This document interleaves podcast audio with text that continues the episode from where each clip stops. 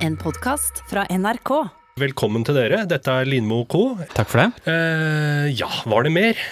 Nei, men da er vi i gang. Da er vi i gang. Jeg har nå, jeg kan nå åh, Kommer det inn lø på løpende bånd gode nyheter. Ja. Gode nyheter. Jeg har jo skaffet meg et verv eh, som for meg er litt egostyrkende.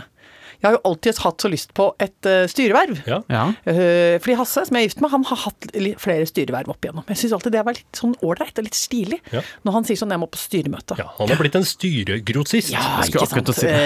Eh, og det har jo vært i sånn litt musikkbransja og litt sånn uh, Litt raffefelt. Mellomstore reiselivsbedrifter. Det er veldig sånn kult, liksom. Jeg har aldri klart å komme meg opp der, men jeg har blitt styremedlem i, i styret i sameiet. Ja. Det holder for meg! Og eh, jeg har sjekket meg litt, og liksom til og med tatt med meg liksom veska. Og sagt sånn, da går jeg på styremøte. Ja. Og nå eh, er jeg merket at jeg løser oppgavene mine med veldig sånn stor glede og eh, ikke, eh, lite stolthet. Eh, Men jeg er blitt satt til de laveste oppgavene. Ja. Ikke sant? Jeg hadde jo ansvar for eh, dugnaden. ja. Krever jo ikke så mange vekttall på BI å få til det. For det er en del andre ting som krever litt kompetanse. Der har jeg sagt dette går ikke. Men jeg går altså inn i det, i det små med stor iver. Så har jeg sørget for uh, å få bestilt to ganger trappevask i året av baktrapp. Altså det er en supplering av vaskebestillingen vår. Ja. Eh, Den har jeg bekreftet nå, eh, og mot et, en økning i regningen på 88 kroner måneden. Det måtte vi ta opp i styret og banke inn. Jeg syns det var flott. Ja. Og så har jeg fått ansvar for å få lys i to lamper. Ikke sant? Og det er Kan virke som banaliteter, men dere vet alle hvor heftig det kan være å få tak i en elektriker. Ja. Få en elektriker i tale. Få en avtale med en elektriker. Ja. Komme gjennom den språklige barrieren eh, av typen 'jeg skal se om vi kan få sett på det'. Ja. Som jeg ikke Hva betyr det? Betyr ingenting. Eh, og så kommer det Vi skal prøve å komme innom en tur, og det lurer jeg på. Hva er det dere prøver da? Jo, men- hva, er det, hva er det de prøver på da? Prøver de å finne veien? Prøver de å få start på bilen? Altså det å prøve å komme innom. Hva, hvor ligger prøvingen? Og hvor kan feilingen oppstå? Eh, betyr det at man kan gå bensintom? Kan man rett og slett kjøre seg vill i Oslo og ikke finne frem til den adressen jeg har gitt opp? Altså, det er det jeg er så gåtefullt. Ja, og, og, og, alle disse oppfølgingsspørsmåla, tar du de med elektrikeren, Ja eller har han lagt på nå for lenge siden? Nei da, jeg er på'n. Ja. og, og, så, og så er det sånn, dette skal vi Jeg også syns det er fremmedartet når de sier dette skal vi følge opp etter høstferien. Ja. Hva er følge opp? Hvor følger man, og hvor er opp? Altså, ikke sant? Hva er det som skjer? Men i dag Halleluja! Jeg blir helt nyreligiøs av dette. I dag skjedde det. I de dager. Altså at det utgikk et bud fra keiser Augustus, holdt jeg på å si. Utgikk et bud fra meg i dag tidlig om at eh, eh, jeg hadde fått kontakt med elektriker som hadde funnet fram til min bygård, og som hadde fått beskjed om å ringe på dørklokken Ja. hos en av naboene som skulle slippe han inn. ikke sant? Jeg la inn et C-moment der, for det er ikke sikkert det hadde funka. Det har vi opplevd tidligere. Men nå har jeg altså rett og slett, mens vi sitter her, fått beskjed. Ja, Det er faktisk den beste beskjeden jeg har fått i telefonen på mange måneder. Ja. Det lyser i begge lampene. Yes. Det er ikke verst. Men jeg føler at uh, det her språket det har de kanskje utvikla fordi at de skal helgardere seg. Ja. Sånn at de uh, ikke, slipper å gå tilbake på noen ting de allerede har lovt. Og Kanskje det er noen ting å lære her. Jeg lurer Mm. Ja. på om jeg kanskje må begynne å innføre det litt i min egen eh, dagligtale. Ja, og si sånn jeg skal prøve å få se på det. Ja. Jeg sier det hele tida, jeg. Jeg skal prøve å få komme meg på jobb. Skal prøve å få sett på det, ja. Ja. Betyr skjer aldri. Men, eh, og det er veldig nyttig, for det er ofte eh, et eh, svar som folk slår seg til ro med. Men Ja. altså ikke du, Anne Lindmo. Og av den grunn så lurer jeg på om du kanskje eh, har et sånt rødt flagg på mittanbud.no eller noe sånt? Altså at det unngå om mulig stiller vanskelige oppfølgingsspørsmål. Det er sånn som de, de gjorde i gamle dager, altså Fanten. Altså de reisende. De merket jo gårdene med forskjellige hemmelige tegn. Ja, Eh, hvis det var eh, rause og, og trivelige folk som var gode å ha med å gjøre, eller kanskje litt lettlurte til og med, Ja. så ble jo gjerdestolpene merket med, en, eh, med et bumerke. Og Ja. hvis det var noe gnagsår av noe rasshøl som bodde der, så ble det gjerne merka med noe annet som gjorde at de reisende sa hit går vi ikke innom, dette er bare bortkasta tid. Det er veldig vanskelig. Så kanskje jeg er bumerket på samme måten, eh, sånn at folk går i ring rundt. Det kan jo hende. Men jeg tenker at det er en fordel for alle parter, da. At jeg jeg kjører effektiv stil, og på en måte er et eh, Ja, på en måte gullungen da, til styre, styrelederen, Ja. føler jeg at jeg skal være. Og jeg har også gjort en eh, nydelig nå eh, jobb med å stable syklene i bakgården litt annerledes, og mitt neste prosjekt er en verdig eh, markering av første advent. Det er det vi har nå sett fram mot. Jeg jobber med flere skisser, moodboards, ideer, og kommer tilbake med nytt om det. Ja, men gratulerer, Ja. Jo, Ja, tusen takk. gratulerer. Åh, skal ikke mer til enn et lite styreverv for å føle at man har en eh, retning i livet og en mening med det hele. Jeg har Helsenytt, Ja. for jeg har rett og slett vært på mammografi. Det er jo noe jeg og Rune heldigvis eh, slipper, fordi det er sånn for å sjekke at eh, alt er bra med brøst. Brøstundersøkelser, og det blir man rulla inn i, i av dette nydelige norske helsevesenet når man bikker 50.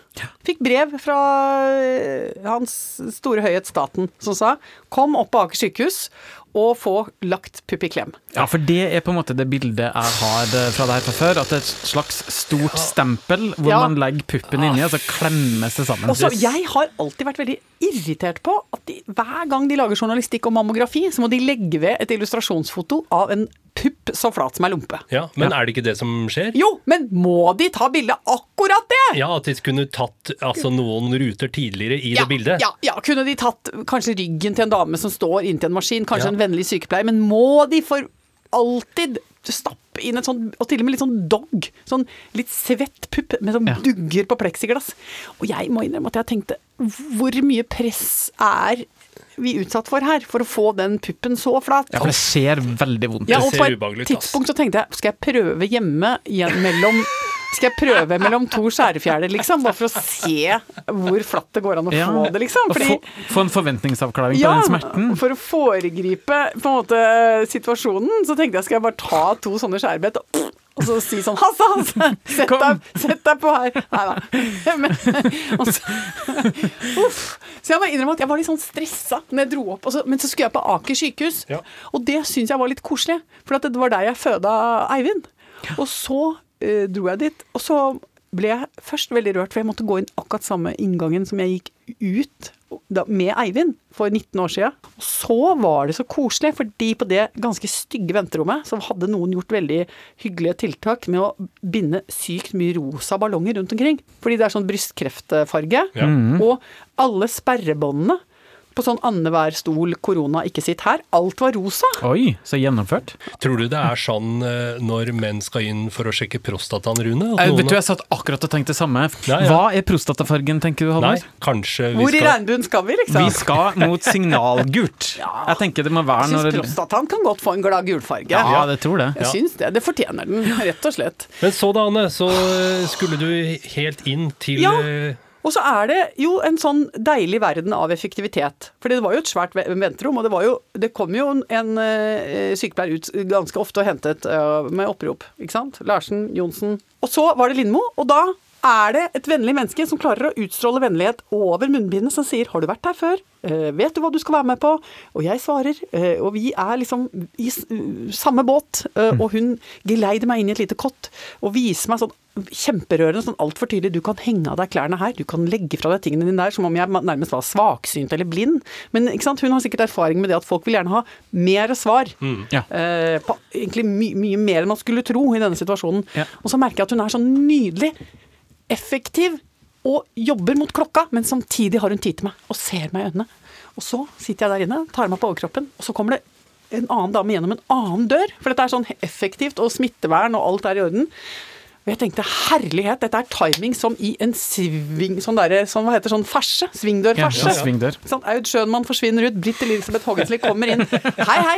Og nytt spørsmål. Ny, koselig dame med sånn vennlig blikk over eh, munnbindet. Og så er det da inn Der står det monsteret av en sånn maskin. En puppeklemmere. Og for en merkelig opplevelse! Å stå i en slags underlig kroppstango med en dame som instruerer meg helt ned til sånn Da skal du legge vekten på, på hælene her, ja, og så skal vi litt fram, og så skal den armen og opp i spiss og ned med hånden, og hold på den blå stripen, og så legger du deg inn her, og da kjenner du at den er helt mot brystbenet ditt, og så sier vi tre, to, én Og så klarer hun å gjennomføre denne prosessen av puppeklem med en sånn eleganse Altså, det var med en verdighet, og det var med en effektivitet, men stadig vekk med dette blikket. Ja. Dette går bra. Jeg har gjort det 100 ganger før, bokstavelig talt. Millioner ganger før. Og her er det ingen grunn til å verken nøle eller gå i liksom noe slags uro eller utrygghet. Og jeg kjente liksom bare at hun, dama der, hun kunne fått kjørt dampveivals over meg, og jeg ville sagt vær så god, kjør på, liksom. Og da, etter liksom første puppeklem, så var jeg oppe og nikka og kjente nå skal småpraten i gang. Så jeg sa sånn, ja jenter, hvor mange pupper rekker dere på en dag? og da sa de stort sett 120 damer. Og da begynte jeg å se for meg, det er mange pupper. ja, det er mange pupper Ja. og så, sa jeg, men så kjente jeg at eh, de er sikkert litt konkurranseinstinkt. Hva er rekorden da? 143. Jeg bare, jøss, 143, gitt, det er mange damer ut og inn. Og så begynte jeg å le, for jeg så for meg i mitt indre øye så gøyalt det er med alle de puppene. Eh, som, altså, det er mye, mye forskjellig form, farge og vekt og tyngde som har ligget inne i, i saftpressa der. Og ja, men iallfall så tenkte jeg åh, dette her er faktisk en litt koselig opplevelse. Og jeg klarte også å samle meg nok til å si tusen takk, jeg syns dere er veldig, veldig flinke. Og da eh, var de ikke veldig opptatt av det, de sa bare tusen takk. Og var vennlige, men fast i blikket over munnbindet. Og da kjente jeg nå har jeg sikkert brukt opp mine fire minutter, ikke sant. Her jobbes det mot klokka. Vi skal være innenfor budsjettene i puppeklemmebransjen. Ding, ding, ding. Og ny rekord. Men da sender vi ut en liten ekstra takk eh, her, da, siden vi hadde litt dårlig tid der. Tusen Altså- takk, og skål i små Genéve-glass. Priset være puppeklemmerne i det ganske land, som passer på oss med den nydelige blandingen av trygghet og vennlighet og profesjonalitet. Elsker det!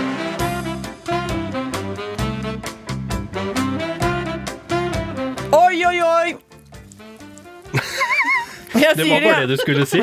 Det var ikke noe mer. Jo, men eh, denne høsten eh, er eh, så vanskelig å forholde seg til. For den går blandinga sakte og fort. Ja. Og jeg er, har noen ganger rett og slett problemer med og at Jeg vet ikke, det er som de gamle indianerne. altså Sjelen blir sittende igjen et eller annet sted. Og den, det er liksom et slags etterslep sjelemessig. Sånn at jeg kan ikke forholde meg til at det er oktober. Jeg, jeg kjenner at det er ikke i oktober ennå selv. Eh, altså, sånn at jeg går og venter nå på at sjelen skal komme etter. Og, og det er mye som er i usynk. Jeg har f.eks. heller ikke fått vært på fjell og sett på uh, høstløv. Og uh, nydelige vidder som står i flamme. Og jeg tar meg sjøl i å gå sånn og vase og vele og kikke opp i trekroner for å ta inn oransje og rødt og oransje og rødt. For jeg mener at er liksom, jeg har gått glipp av noe, jeg blir liksom et redusert menneske hvis Ja. jeg ikke har fått det inn. Jeg skjønner. Men da skal jeg være sånn glass er halvfullt-type. Ja. For selv om eh, høsten er litt sånn annerledes, Mm. så eh, hørte jeg på Raimond Johansen her om dagen. Mm. Og eh, da sa han rett og slett at denne høsten blir trøvrig. Men sånn er det. Det blir ikke noe halloween, det blir ikke noe jul, det blir ikke noe fest. Og da Eh, lysner det jo for meg. Ja, det var det, det var det jeg tenkte, faktisk. Hvorfor det? Vil du ikke ha fest? Jeg hørte også den meldinga da den Ja. gikk ut. At i år, folkens, og han sa det med litt sånn triste fjes Ja. Det blir ikke julebord, vi må rett og slett droppe halloween. Og da kjente jeg det bobler i mitt indre. Ja. Jeg kjenner, altså jeg blir så glad for at vi skal slippe Altså, selvfølgelig julebordet, som jeg syns er en vond, vond øvelse å komme seg gjennom, men kanskje først og fremst at vi for en gangs skyld kan si halloween, nei takk. Du, du har jo hatt en pågående krig mot uh, den tradisjonen i Men flere dette- år. Jeg har bare hatt mangeårig fobi for eh, halloween. Og jeg har fått det komplisert i livet mitt fordi jeg kjenner at jeg orker ikke å være en del av et fellesskap hvor vi blir morsommere typer når vi kler oss ut. Og at liksom folk liksom virkelig kommer i kontakt med den sosiale og gøyale delen av seg selv når de kler seg ut som eh, liksom skrekklege eller prompepute. Og liksom det er først når lateksen smekker sammen rundt den der eh, 40 pluss-bilringen at det virkelig tar av i gamlemor, liksom. Da kjenner jeg bare Hva er det som skjer? Det blir nei fra meg! Ja, ja. Ja. Jeg syns jo det er gøy, da. å kle seg ut. Hva ville dere at jeg skulle kledd meg ut som hvis dere kunne fått bestemt på eh, Mossa.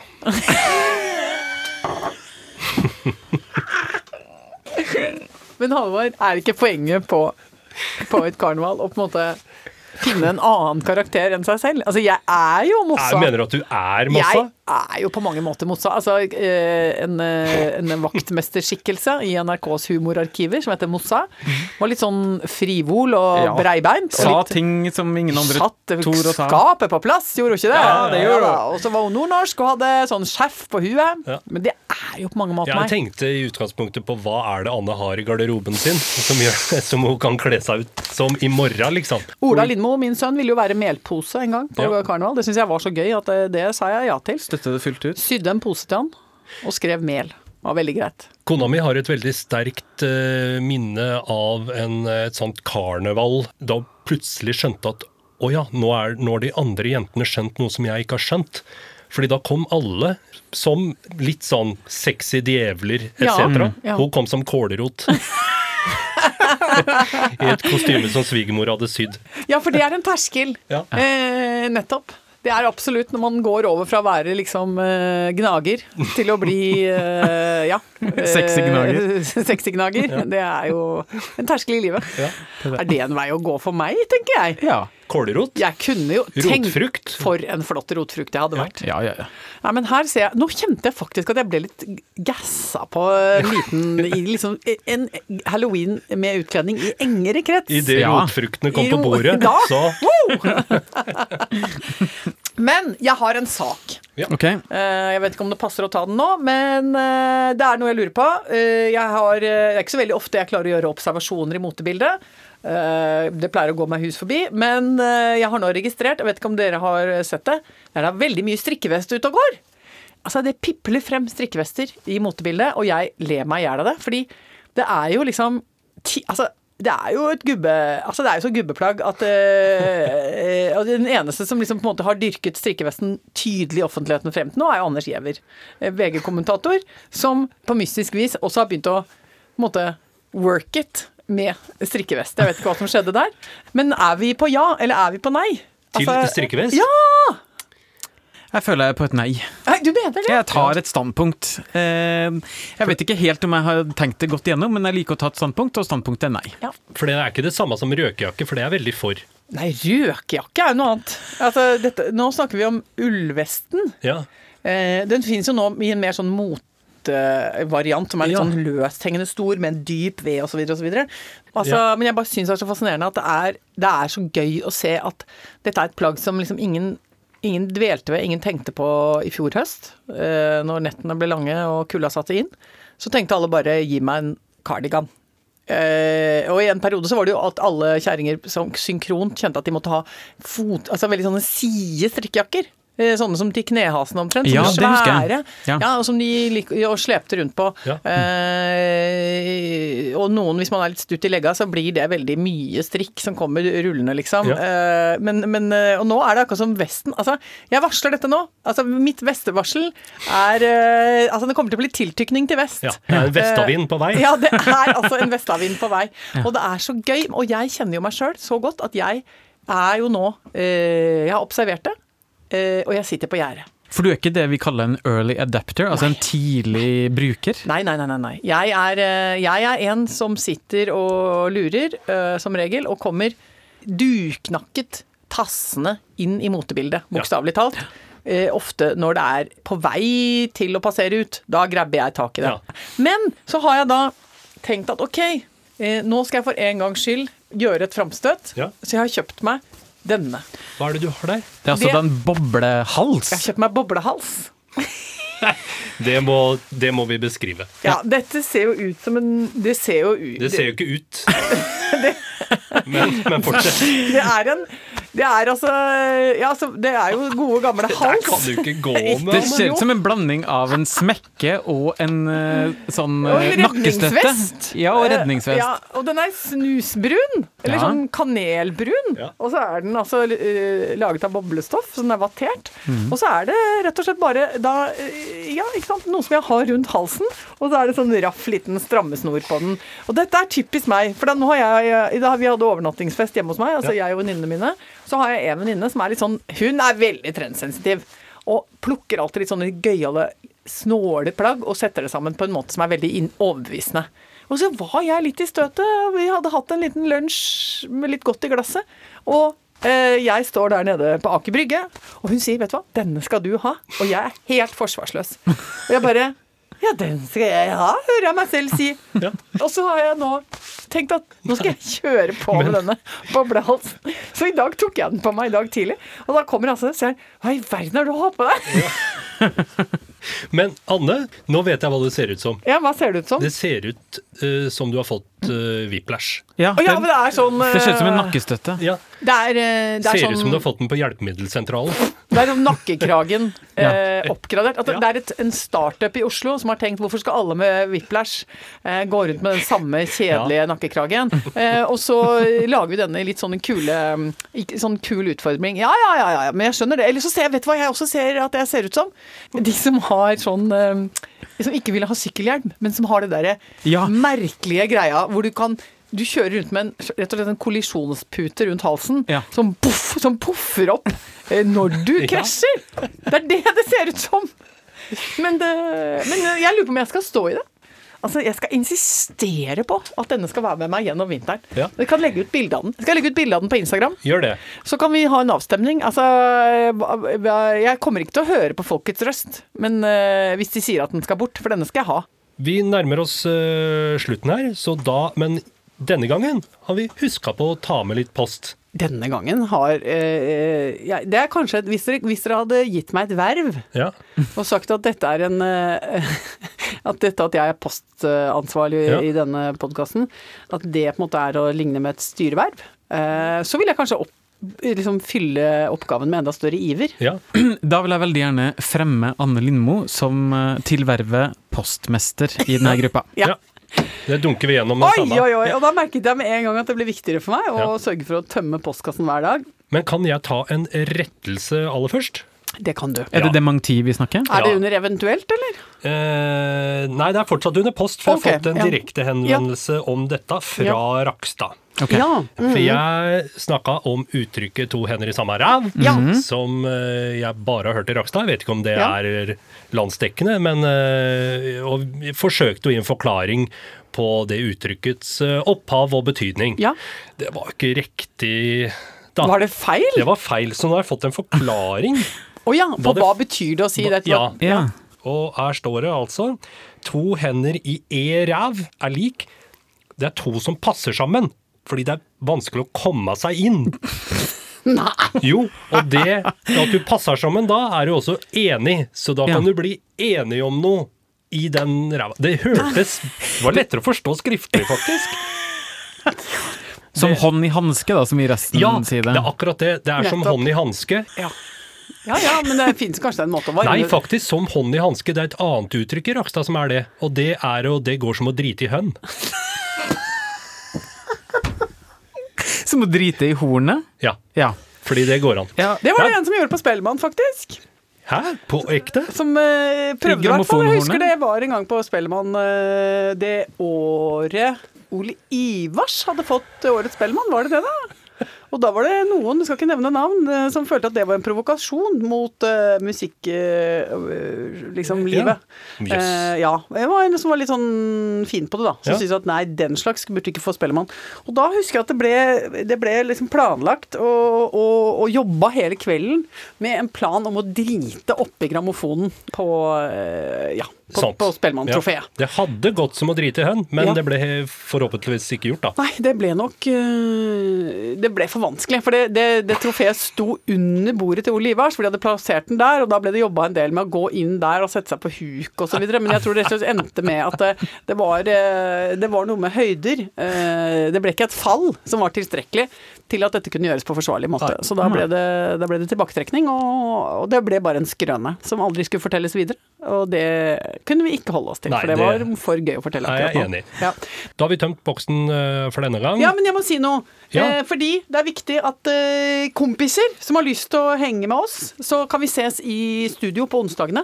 Fordi da har vi TV-opptak, og der er det rett og slett mulig nå å være publikum. Vi er et begrenset antall eh, folk der inne, så det er vel bare 37 stykker som kommer inn hver gang. ja, Veldig smittevernfaglig beskytta. Kommer man i kohort, så får man sitte sammen, og det er lidderlig koselig. Så kohortvis ønsker vi dere velkommen. Send bare en mail til publikum at nrk.no og merke med kompis og Lindmo, så er det rett og slett billett å få, og så ses vi. Takk for nå, folkens. Takk for nå. Skal vi gå hjem nå? Ja, nå kan vi gå hjem. Ok. Ja. Ha det! En podkast fra NRK. Hva med en podkast som plukker ut de viktigste nyhetene for deg? Både fra Norge og verden. Og som snakker om dem på en sånn måte at du ikke klarer å la være å høre på. En snarvei til skikkelig peiling. Hør nyhetspodkasten Oppdatert Med meg, Ragna Nordenborg. i appen NRK Radio.